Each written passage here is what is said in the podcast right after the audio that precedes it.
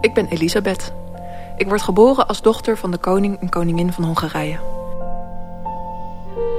Als ik vier ben, worden er al trouwplannen voor mij gemaakt. Als kleuter verhuis ik naar de Wartburg in Eisenach, het kasteel van mijn schoonfamilie.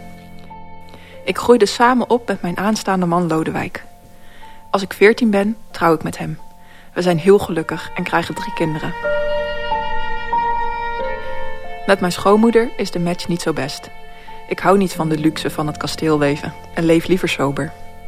In 1223 vestigen zich Franciscanen in Eisenach. Ik vind hen echt onwijs interessant.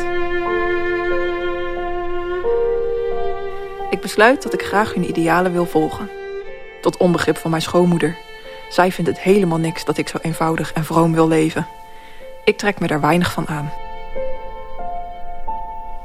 Dagelijks eten er twintig arme mensen mee.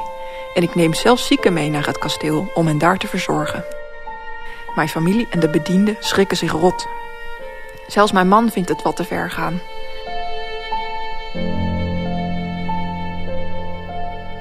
In 1226 is er een hongersnood en ik bak broden die ik op straat uitdeel aan arme mensen.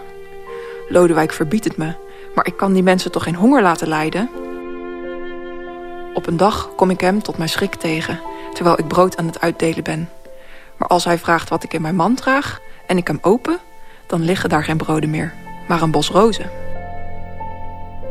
Als mijn man in 1227 meegaat op kruistocht, overlijdt hij aan de pest. Ik ben enorm verdrietig.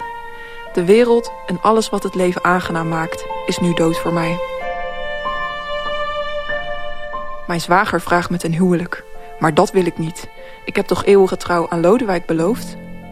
Hij neemt me mijn kinderen af en mijn schoonfamilie is boos... en de sfeer op het hof daalt naar het absolute nulpunt.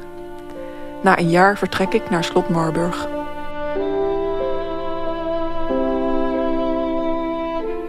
Ondanks deze ellende besluit ik er het beste van te maken. Ik kan nu eindelijk als kloosterling gaan leven. Dat past me tenslotte toch beter.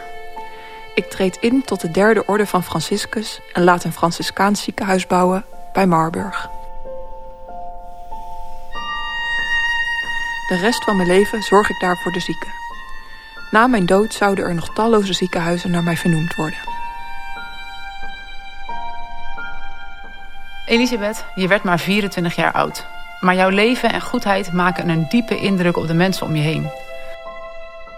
Al in 1235, een paar jaar na je overlijden, word je heilig verklaard door paus Gregorius IX. Debbie van Miltenburg, dierverzorger op de Universiteitskliniek voor Gezelschapsdieren, staat model voor je. De dierenhokken zijn voor de tekening vervangen door een ziekenhuisbed.